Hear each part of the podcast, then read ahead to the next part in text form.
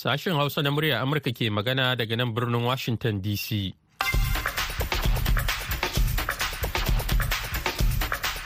Masu sauraro Assalamu alaikum barkanku da asuba da fatan an wayi gari lafiya. Muhammad Hafiz Baballe ne tare da Sarfil Hashim Gumel. Sauran abokan aiki muke farin cikin kasancewa da ku.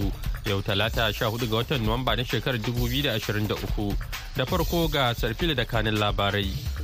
To Hafiz je litinin sojin Isra'ila sun fitar da wani bidiyo da suka ce yana nuna makaman da ƙungiyar Hamas ta ajiye ƙarƙashin asibitin ƙananan yara a Gaza. Majalisar Ɗinkin Duniya ta gargaɗin cewa al'amuran jin kai a zirin Gaza na ƙara taɓarewa. Daga nan kuma a cewa tsohon Firaministan Birtaniya David Cameron ya sake komawa gwamnati ba zato ba tsammani a matsayinsa na sakataren harkokin wajen Birtaniya. Kanin labaran duniyar kenan a cikin shirin namu yanzu za ku ji cewa haɗaɗɗiyar ƙungiyar kwadagon najeriya ta nlc da tuc ta tsindima yajin aikin sai baba ta gani daga yau talatar nan. Yajin aiki na mai tabbatar maka an fara kenan sai illa ma sha Allah don ba zan iya ce ma ga ranar da za a gama wannan yajin aiki ba. bayan nan za ku ji cewa jami'an ofishin jakadancin najeriya sun shiga tsakanin hukumomin saudiya da kamfanin jirgin airpeace kan soke bizar wasu fasinjojin jirgin. To ko me masu ruwa da tsaki ke cewa? Aka sauka sai suka tantance wanda yake da umara biza wanda kamfanin mu suke yi na gaskiya aka ce bismillah shiga. Wanda kuma yake da wannan irin biza suka tattara su suka jiyo da su.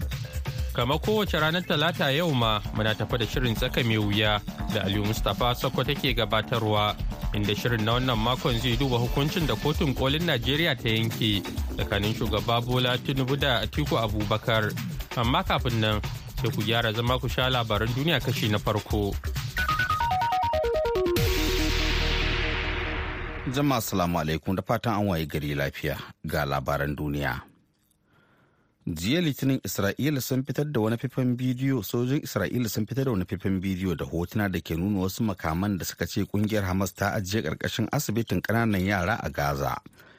Ta kuma ce ga dukkan alamu an ajiye mutanen da aka garguwa da su a wurin. Mai magana da yawon rundunar Rear Admiral Daniel Hagari ya ce sojojin sun gano cibiyar bayar da umarni ɗauke da tarin makamai da suka da gwamnati da rigunan kuna bakin wake da sauran bamai da mayaƙan hamas suka ajiye a ƙarƙashin asibitin rantisi. Asibitin kula da ƙananan yara da ke da ƙwararrun likitoci masu kula da cutar daji. Faifan bidiyon ya nuna wasu abubuwan da ke zama na yau da kullum ciki har da wani ƙaramin ɗakin dafa abinci da kuma wani rami da ke kusa da shi wanda aka ce ya kai gidan wani babban kwamandan sojojin ruwa na hamas. A ɗaya ɓangaren kuma majalisar ɗinkin duniya ta yi gargaɗin cewa al'amuran jin kai a zirin gaza na ƙara taɓarewa domin ko motocin dakon kayan agaji za su daina tafiya nan da zuwa talata idan ba a samu ƙarin man fetur ba. Rijiyoyin ruwa sun daina aiki da kuma katsewar hanyoyin sadarwa. Shugaban ofishin jin kai na majalisar ɗinkin duniya a gabashin kudus andre di domenico ya faɗa manema labarai ta hanyar wani taron bidiyo tsagaita wuta don jin kai da samar da man fetur da kayayyakin da ake buƙata. Duk waɗannan kamata ya yi su fara a yanzu. Suna fuskantar ƙurewar lokaci kafin su fuskanci wani babban bala'i. Ya ce manyan motoci 76 ɗauke da abincin magunguna da kayayyakin kiwon lafiya da ruwan sha da barguna da sauran kayayyakin gaggawa sun tsallaka daga masar zuwa gaza a ranar lahadi. Amma yau talata wato ya zuwa yau talata za su iya tsayawa idan ba a samar da man fetur inda ake buƙata cikin gaggawa ba. Jiya litinin an sassauta cutoci a ma'aikatan majalisar ɗinkin duniya a faɗin duniya ciki har da hedikwatar hukumar ta new york yayin da ma'aikata suka tsaya cikin shiru don jimamin abokan aikin sama da ɗari da aka kashe a gaza a yaƙin isra'ila da hamas. An wato an sassauta tutar Majalisar Ɗinkin Duniya mai launin shuɗi da fari da ƙarfe tara da rabi na safe a wawan ƙasar. A ofisoshi a Bangkok da Tokyo da Beijing, tare da sauran wuraren Majalisar Ɗinkin Duniya. Sakatare Janar Attorney Guterres ya jagoranci jami'an Majalisar Ɗinkin Duniya wajen yin shiru na minti ɗaya. A hedikwatar Majalisar Ɗinkin Duniya a lokacin agogon ya kai ƙarfe tara da rabi na safe a birnin New York. Tun da aka fara wannan rikici sama da ma'aikatan majalisar ɗinkin duniya da ke taimaka a falastina ɗari ne suka rasa rayukansu. Kamar yadda ya wallafa a shafin x wanda a baya aka fi sani da twitter tare da hoton manyan jami'an majalisar ɗinkin duniya da ke tsaye cikin shiru.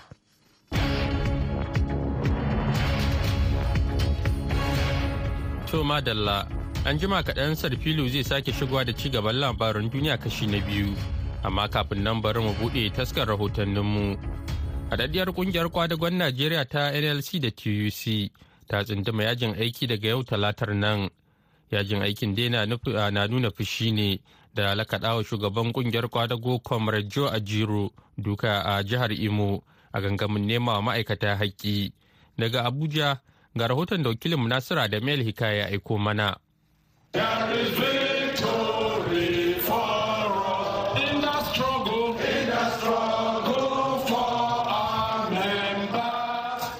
Bayan taron haɗaɗɗiyar ƙungiyar kwadagon a abuja jagorori sun umarci ma'aikata a duk faɗin najeriya su auka yajin aiki don neman lalle a taka gwamnan imo hope ozudinma birki kan zargin tura 'yan sanda da 'yan sara suka wajen cin zarafin ajero da wasu mukarrabansa. 'Yan kwadagon sun ce da gangan gwamnati ta ki ɗaukar mataki kuma ai 'yan sanda jami'an gwamnatin tarayya ne. Babban sakataren ƙungiyar kwadago ta TUC Comrade No Toro ya ce san ba za su ci gaba da lamurtar dirar mikiya akan 'yan kwadago daga 'yan siyasa irin Hob Ozidinma ba. Shugaban ƙungiyar kwadago da ma'aikata sun je kwatan hakkin ma'aikata a Imo a wulaƙanta shi a bubbuge shi a rufe mar idanu sannan a gana masa azaba. Abinda ya sa ƙungiyar kwadugo kuma muka ɗau wannan mataki shine na farko dai sufeto general ɗin 'yan sanda yana ƙarƙashin shugaban ƙasa ne. Kawo yanzu babu wata takamammiyar mataki da aka ɗauka akan wanda suka aikata wannan aikin aika-aika. Sai bayan zanga-zanga a filin jirgin saman abuja da kuma ofishin inspector general ɗin 'yan sanda shine aka cire commissioner of police abubakar barde. Saboda haka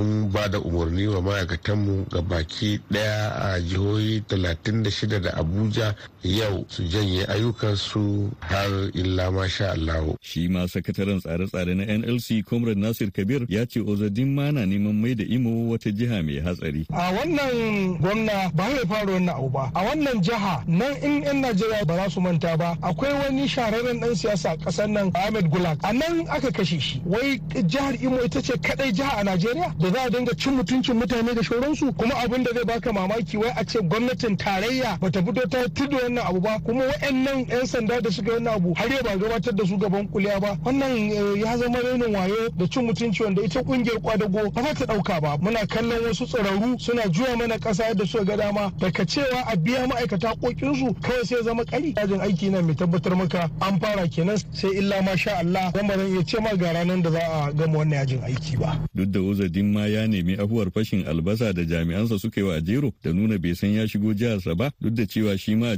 ajeron dan imo ne? Yan kwadagon sun ayyana gwamnan da cewa karfa ne. Da ba za a amince da irin siyasar sa ta banga ba. Uzodin ma ya yi nasarar lashe zaɓen tazarci a ƙarshen mako inda ba mamaki hakan ya taimaka wajen rage caccakarsa da cewa gwamna ne naɗin kotun koli. In an duba zabensa na baya yayin da ya zo na huɗu amma Allah ya sa kotun koli ta ayyana shi da cewa shine ya yi nasara ya ture gwamna Emeka Ihedioha na PDP yanzu za a jira irin martanin da fadar Aso Rock za ta fitar kan matakin 'yan kwadagon. Nasura da Mail Hikaya muryar Amurka daga Abuja Najeriya A gaida Nasiru Adamel Hikaya da wannan rahoton. Ana tare ne da sashen Hausa na murya Amurka daga nan birnin Washington DC. Gasar fili ya dawo da kashe na biyu na labaran duniya. Kafin isowar shugaban ƙasar China Xi Jinping a birnin San Francisco a ranar Laraba don halarta taron kolin ƙungiyar APEC masu zanga-zanga da masu rajin kare demokuraɗiyya sun bayyana damuwarsu game da China da shi da ba kasafai ake bayyana su a ƙasar China ko yankunanta ba. Ana sa ran taron zai haɗa shugaban Amurka Joe Biden da shi a gana wasu ta farko ido da ido tun bayan da suka yi magana a gefen taron G20 da aka yi a Bali na ƙasar Indonesia a watan Nuwamba shekarar 2022. Shi ya kai ziyarar Amurka ta ƙarshe a watan Afrilun 2017 lokacin da shugaban ƙasar na wancan lokacin Donald Trump ya karɓe shi. Yana mai cewa su biyun suna da alaƙa mai kyau. A lokacin da Trump da shi suka haɗu a taron G20 da aka yi a Osaka na ƙasar Japan a watan Yunin 2019. yaƙin kasuwanci da taɓarewa kare haƙƙin ɗan adam ya sa dangantakar da ke tsakanin ƙasashen biyu mafi ƙarfin tattalin arziki a duniya ta yi tsami wannan ya kasance watanni shida kafin a fara gano annobar coronavirus a wuhan da ke china. Farkon ɓarkewar cutar ta tsawon shekaru uku da ta lalata rayuwa a duniya. Tsohon firaministan birtaniya david cameron ya sake komawa gwamnati ba zato ba tsammani a matsayinsa na sakataren harkokin wajen birtaniya bayan wani sauyi da aka yi a majalisar ministocin ƙasar da wata zanga-zangar da aka yi a ƙarshen mako da hargitsin siyasa a birnin london. Ya ga james clavely wanda yanzu ya zama sabon sakataren harkokin cikin gida na birtaniya bayan da firayim minista rishi sunak ya kori suela brabman a ranar litinin. Cameron ya yi murabus a matsayin firayim minista a watan yulin 2016 bayan da birtaniya ta kada ƙuri'ar ficewa daga tarayyar turai a zaɓen raba gardama da ake kira brexit. Ya yi yaƙin neman ci gaba da zama cikin ƙungiyar eu amma masu jefa ƙuri'a sun zaɓi ficewa daga tazarar kashi 52 cikin 100 zuwa 48 cikin 100 daga ƙarshe 'yan tawaye daga yankin oromiya na ƙasar habasha sun faɗa jiya litinin cewa suna tanzania domin tattaunawa zagaye na biyu da gwamnatin ƙasar habasha domin kawo ƙarshen faɗan da aka kwashe shekaru ana gwabzawa. Tattaunawa ta zo sama da watanni shida bayan tattaunawa farko da aka yi tsakanin ƙungiyar 'yan tawayen oromo da gwamnatin habasha ta ƙare ba tare da an cimma matsaya ba. Rikicin da ya barke a shekarun baya bayan nan ya yi sanadin mutuwar ɗaruruwan mutane tare da raba dabbai da mahallansu a yankin mafi yawan al'umma a ƙasar habasha. Wani jami'in da ke kusa da masu shiga tsakani wanda ya nemi a sake sunansa ya ce an fara tattaunawa ne a makon jiya a birnin dar na ƙasar tanzania kuma ƙungiyar igar ta yankin afirka ce take jagorantar tattaunawar. Gwamnatin habasha bata amsa buƙatar jin ta bakinta ba. A gaida Sarfil Hashim Gumel da ya karanto mana labaran duniya daga nan sashen Hausa na murya Amurka a birnin Washington DC.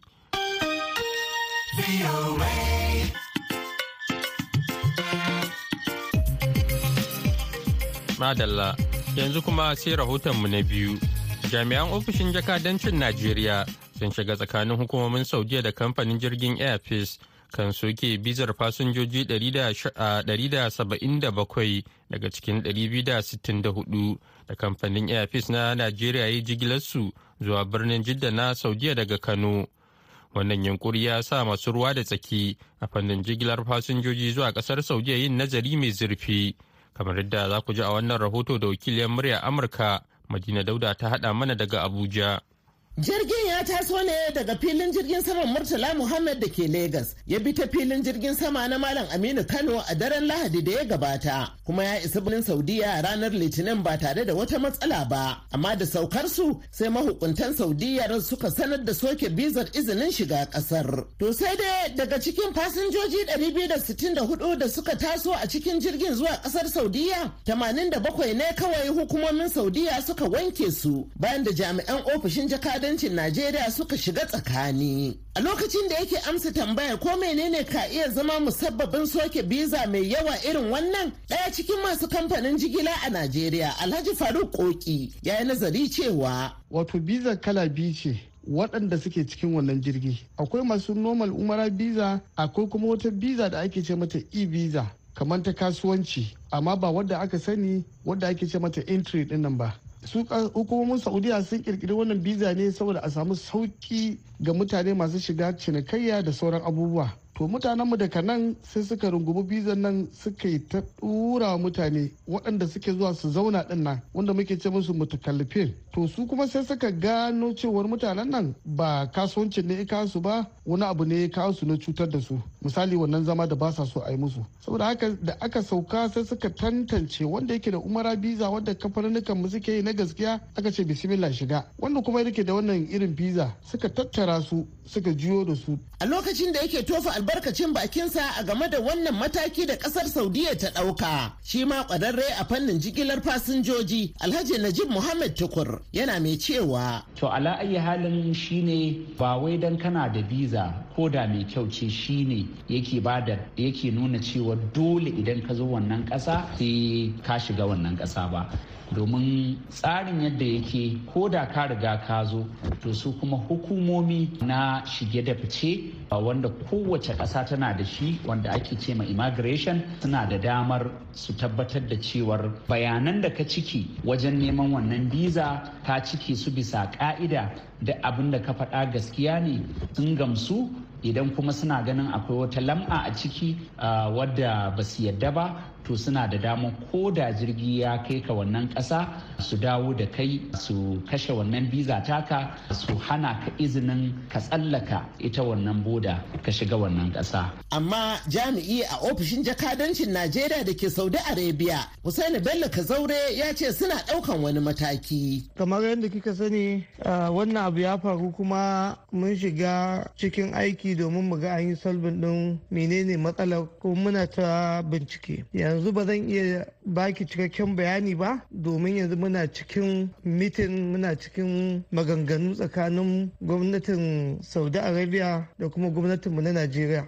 Amma dai ba wani abin da zai ta da jijiya wuya ba ne saboda muna da kyakkyawan alaka da saudi arabia da kuma najeriya. Madina dauda muryar amurka daga abuja najeriya. A gaida madina dauda yanzu kuma tsaka mai wuya. wannan mutum fa ba wai karo na farko ne da ya fara shiga zaɓe a Najeriya ba. A baya ya taɓa neman sanata kuma ya samu. Hukumar zaɓe ta tantance shi a wannan gaba. Takardun da ya amfani da su a wannan lokacin da su ne da ya ƙara amfani da su a wannan gaba. Yana zaune ba wani wanda ya tada kura akan cewa ya shiga zaɓe da takardun boki, ya yi gwamna da takardun boki, ya sanata da takardun boki. Sai a wannan gabar da aka zo maganar shugaban kasa. Maganar da yake faɗi na cewa tuntuni ya yi sanata. Shin ya san cewa misali makarantun da ya cika na sakandare lokacin da yake neman sanata da gwamna wannan karin a fom ɗinsa bai cika su ba?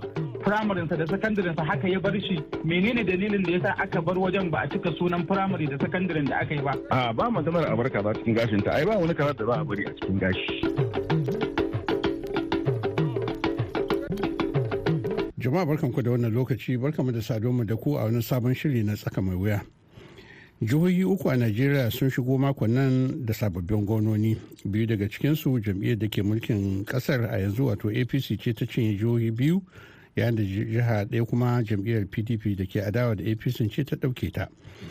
jihohin da apc ta lakume sun hada da jihar imo inda dan takararta wato hope ozodinma ya lashe zaɓen inda ya nasara akan dan takarar pdp wato samuel anyawu da kuma dan takarar jam'iyyar labour party wato ethan ineji a cunu a jihar kogima dan jam'iyyar apc ne ahmed usman ododo yi nasara akan 'yan jam'iyyar sdp murtala a jaka da kuma na jam'iyyar pdp dino melai to amma pdp ce ta kwashe gara basa a jihar bayelsa inda dan takaranta kuma gona mai ci a yanzu wato duwe dere ya yi nasara akan 'yan takara da dama da suka hada da dan takara mafi kusa gare shi wato pedro silvia na jam'iyyar apc to a cikin shari'o'i da yawa da suka sa dole aka sake waɗannan zaɓe ko kuma aka gudanar da waɗannan zaɓuɓɓuka na jihohi din akwai maganar takardu da suka taka muhimmiyar rawa.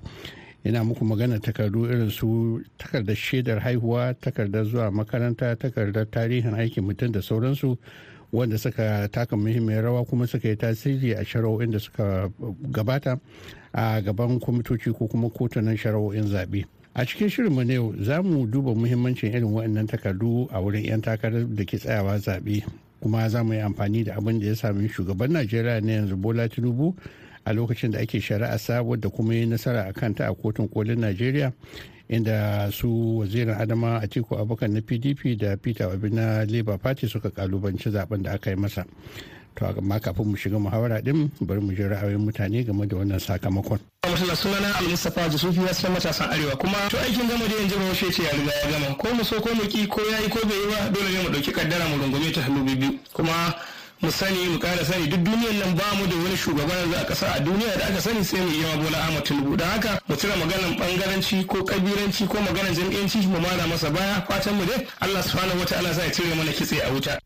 Sunana muhammad sha'ib bakwai sokoto state. A wannan shari'a da kotun koli ta gabatar game da yan mu guda uku. So wannan ba babu abin da za mu ce gare shi illa kira ga 'yan najeriya cewa wannan shi ya nuna kowa ya ta kan shi. Domin idan har ya zamanto yau siyasa ta kai mu hagen da ɗan ƙasa bai da tabbaci na samun hukunci na gamsuwa wanda zai samu natsuwa gare shi a shari'ance a ƙasar nan to wannan al'amari sai mu ce inna lillahi wa inna ilaihi raji'un domin ya zama abun ban tsoro kuma wani hauji ya zama abun ban takaici ga ƙasar nan. Haka ne. To yanzu bari yanzu sake haɗa ku da nasiru adamu leka wakilin na abuja a ci gaba da tattauna da lauyi guda biyu masu wakiltar wato ɓangarorin nan guda biyu. Ina muku magana abubakar kurawa da ke ɓangaren tunubu da kuma barista awwal abdulkadir albarudi mai wakiltar ɓangaren atiku. Malamai bismillah. Yadda kotu da jami'a ta bayar cewa wannan takarda da shugaban kasa bola ahmad tunu ya kaddamar a gabanta aka kaddamar a kotun can ba ita ta ba da shi ba a wannan shekarar ka dinga tsarawa ba ta san kuma takardar da ta bayar da nan a wannan shekara ba ta san kuma inda ya ba da shi ba. Shi da ya zo ya wannan kake wannan bayanin ka ne. Shi mutumin da ya zo ya ba da wannan bayanin bayanin ka ne. Ai ba haka kawai ya taso rana ɗaya daga bacci ya zo ya ba da wannan shaida ba. Ita ma wannan jami'a ita ma wannan jami'a ta san cewa ana magana ne akan shugaban ƙasa da zai mulki mutum miliyan ɗari biyu. Don haka ba mutum zai ɗauko fayil kawai ko ya ɗauko takarda ɗaya ya zo ya bayar ba. Sai an yi ganawa an yi mitin kan mitin kafin ya zo ya kaddamar don haka yanzu abin da ake so a lullube mana cewa ya kuma neman takarda ko wani abu an bashi wannan bayanai ne na masharhanta. So kaga wannan akwai wani lauje cikin naɗi kuma akwai mutanen da ake so a shigar da kansu cikin buhu kada su samu bibini da ke faruwa. Barista kurawa akwai abun da kake faɗa ɗazu kan abun da shi albarudi ke faɗa yana nuna wannan yana ganin wannan wani tabo ne wanda duk da ya yanke wannan hukunci amma za a ci gaba da ganinsa jikin shugaba tinubu. Shin kana da ja ko kuma shi kenan tun da yana shugaban kasa a bar kawai ba kaza cikin gashin ta yi shiru? A ba maganar a bar kaza cikin gashin ta. Ai ba wani kaza da za a bari a cikin gashi. Ba wani kazan da za a bari a cikin gashi. Ni a iya fahimta ta da kuma abin da na yadda da shi shine iya ƙoƙarin da kotu za ta yi na tantance bayanai na gaskiya ta yi. Sannan kuma abin da nake so duka mu kara la'akari da shi a nan shine kaga fa wannan mutum fa ba wai karo na farko ne da ya fara shiga zaɓe a Najeriya ba. A baya ya taɓa neman sanata kuma ya samu. Hukumar zaɓe ta tantance shi a wannan gabar takardun da ya amfani da su a wannan lokacin da su ne da ya ƙara amfani da su a wannan gabar ya ne ya nemi gwamna a karo na farko kuma ya ƙara nema a karo na biyu duka ya samu. Hukumar zaɓe ta tantance shi jami'an tsaro sun tantance shi kuma babu wani wanda ya gan shi da wannan aibin a wannan lokacin. Ko da wasu lauyoyi a Lagos din irin su gani fahimi da suka yi raising issues din a wannan lokacin they are not able to make it substantial ba samu damar substantiating maganar ba ta zama gaskiya. Bayan ya bar kujeran nan kamar yadda nake ta faɗa 2007 zuwa yau laɓa shekaru ne masu yawa muna maganin shekara goma sha shida. Yana zaune ba wani wanda ya tada ƙura akan cewa ya shiga zaɓe da takardun bogi ya yi gwamna da takardun bogi ya sanata da takardun bogi. Sai a wannan gabar da aka zo maganar shugaban kasa wasu suka fara suka ƙara ɗauko maganar kuma suke so su tada hayaniya su tada kura a ƙasa. Ni abin da nake so mun gaya wa duka 'yan najeriya shawara ce mai kyau. Mu ne za mu tsare wa kanmu mutunci ta hanyar tsare wa shugabanninmu mutunci. Yau idan mun fito muna cewa wani bai yi karatu ba ko wani bai yi kaza ba wani bai yi kaza ba saboda kawai biyan buƙatar mu na siyasa. To mu sani buƙatar mu ta siyasa ta iya biya amma kuma a wani ɓangaren mun cusa ƙasar a cikin wani yanayi na tozarci da wulaƙanci a idan duniya. Wanda kuma haƙƙi ne akan mu na yan ƙasa mu kiyaye wannan a wannan gefen ke awwal abin kadir albaru dai kaji shin bukatun ku na siyasa kuke biya bisa bayanan turawa ko kuma akwai wani abu daban? Alhaji Nasir Adam barisa ya yi magana mai sosa zuciya ba shakka. Ya kamata dole mu ci gaba da kare mutuncin kasarmu da kundin tsarin mulki da tuta da court of arm da shugaban kasa da komai da komai amma fa ya sani abin da yake tunani kwata-kwata ba haka ba ne. Maganar da yake faɗi na cewa tuntuni ya yi sanata. Shin ya san cewa misali makarantun da ya cika na sakandare lokacin da yake neman sanata da gwamna wannan karin a fom ɗinsa bai cika su ba? Firamarinsa da sakandaren haka ya bar shi. Menene dalilin da yasa aka bar wajen ba a cika sunan firamare da sakandaren da aka yi ba? Aka saka kawai na jami'ar chicago. Don haka ni a matsayina na ɗan ƙasa duk da kayan min wa'azi ka ja kunne na dole kuma in gwada in gaya wa duniya shakku da nake da shi wanda ba bai da bai cin karo da kasancewa na ɗan najeriya mai kishin ƙasa. Hasali kishin ƙasa shine ya saka ni nake so a tabbatar da cewa akwai research centers kowace uh, pressure groups da suke da hurumin su tabbatar da wane shine ya kamata shugabance mu zanto sun yi amfani da sun yi amfani da research centers cibiyoyi na bincike da za su tabbatar da tarihi da komai da komai. Ba wasu abubuwa kawai za a duba na sama ko dan mutum yana da kuɗin da zai bayar ko dan zai iya ɗaukan nauyin kaza da kaza da kaza da kaza ba. Wannan shine abin da nake so ka fahimta. Kuma mutane da dama daga cikin 'yan najeriya duk sun san wannan shubuha ta maganar firamarinsa da sakandaren da maganar classmate ɗinsa wato abokan karatunsa na firamare da sakandare wanda a cikin wannan yanayin ana da daman a fito da abin fili. Misali yanzu abin da nake so na baka shine ta yaya za a yi mu 'yan najeriya mu je muna neman bayani a kanka?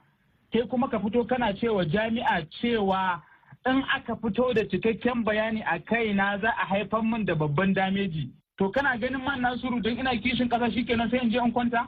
Kawai ba zan sa shakku ba shine abin da nake so shi ya gane. Amma nasihan da ka faɗi gaskiya ne. Amma amma nasiha yi ne ko ya faɗi ra'ayinsa ne kawai? A barista kurawa nasiha kake wa shi a ni ba nasiha ne ba. ina jan hankali na ja jan hankali ne. Ba nasiha ba ne. A ai nasiha in ka tafi nasiha ka shiga wani fage na addini ni ba nasiha ne ba. Ka gane na jawo hankalinka just like a reminder. Wani abu ne da ka sani na tuna maka.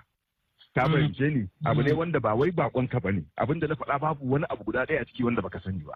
Shi ma na ne. wanda ka sani ake tuna ta ma. Yau wato wataƙila ka dan ka yi bacci a kansu sai na dan maka hoɓɓasa. Nake mutuna so fine duk abin nan da ka faɗa duk wani abu da sani na duniya ba wai maganar zaɓe ko siyasa ba. Kafin ka samu abin da aka yi eliminating doubt a cikinsa ai ba su da yawa. Kai eliminating doubt ka ce wannan abin is perfect. Ma'ana ka cire shakku ko kokonto akan wani al'amari duka. Wannan abin ɗari bisa ɗari yake. Ya gama cika. Wannan abin cikakke ne. Ina ga wannan abubuwan in ma akwai su dai a doron duniyar nan to ba su da yawa.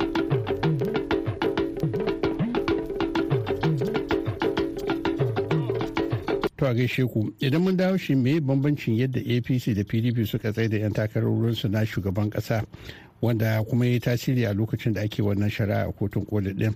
Kuma me bambanta salon kamfen na Atiku Abubakar da kuma shi Bola Tinubu lokacin da suke yansa. Ba da bayan haka me makomar siyasar wazirin na Adamawa Atiku Abubakar bayan wannan hukuncin kotun koli da aka yanke wanda ya baiwa Tinubu nasara. wannan na cikin abubuwan da za mu duba a shirin mai zuwa. Yanzu dai muna su yi godiya ga su bakin namu wato barista abubakar kurawa da ko barista awwal abdulkadir albaruji da ko musamman shi wakilin namu nasiru adamu kaya da ya haɗa mana muhawara tsakanin su sai mun da muku ji rana wa ciwon allah ya kai mu. Ku huta lafiya. Adi mustapha sakwato ne a washington. To a gaida aliyu mustapha sokoto yanzu kuma sai labarai amma a taƙaice. To a taƙaice ji litinin sojojin Isra'ila sun fitar da wani fifan bidiyo da hotuna da suka ce suna nuna wasu makaman da suka ce ƙungiyar Hamas ta ajiye ƙarƙashin asibitin ƙananan yara a Gaza ta kuma ce ga dukkan alamu an ajiye mutanen da aka garkuwa da su a wurin. A ɗaya ɓangaren kuma majalisar ɗinkin duniya ta gargaɗin cewa al'amuran jin kai a zirin Gaza na ƙara taɓarewa domin ko motocin dakon kayan agaji za su daina tafiya nan da zuwa talata idan ba a samu ƙarin man fetur ba. Rijiyoyin ruwa sun daina aiki da kuma katsewar hanyoyin sadarwa. Jiya litinin an sassauta tutoci a ma'aikatan majalisar ɗinkin duniya a faɗin duniya. To masu sauraro da haka muka kawo ƙarshen shirin namu na wannan lokaci. A bai da Allah kai mu an jima da hantsi a misalin ƙarfe 8 agogon Najeriya Kamaru da Chadi wato bakwai kenan agogon GMT da Ghana za ku ji mu da wani sabon shirin. Yanzu a madadin Sarfil Hashim Gumal da ya karanto labarai da Dadi Balawe da ya daidaita mana sauti kuma ya ba da umarni da ma injiniyan mu na yanzu ni Muhammad Hafiz Baballe daga nan sashen Hausa na murya Amurka ke muku sallama.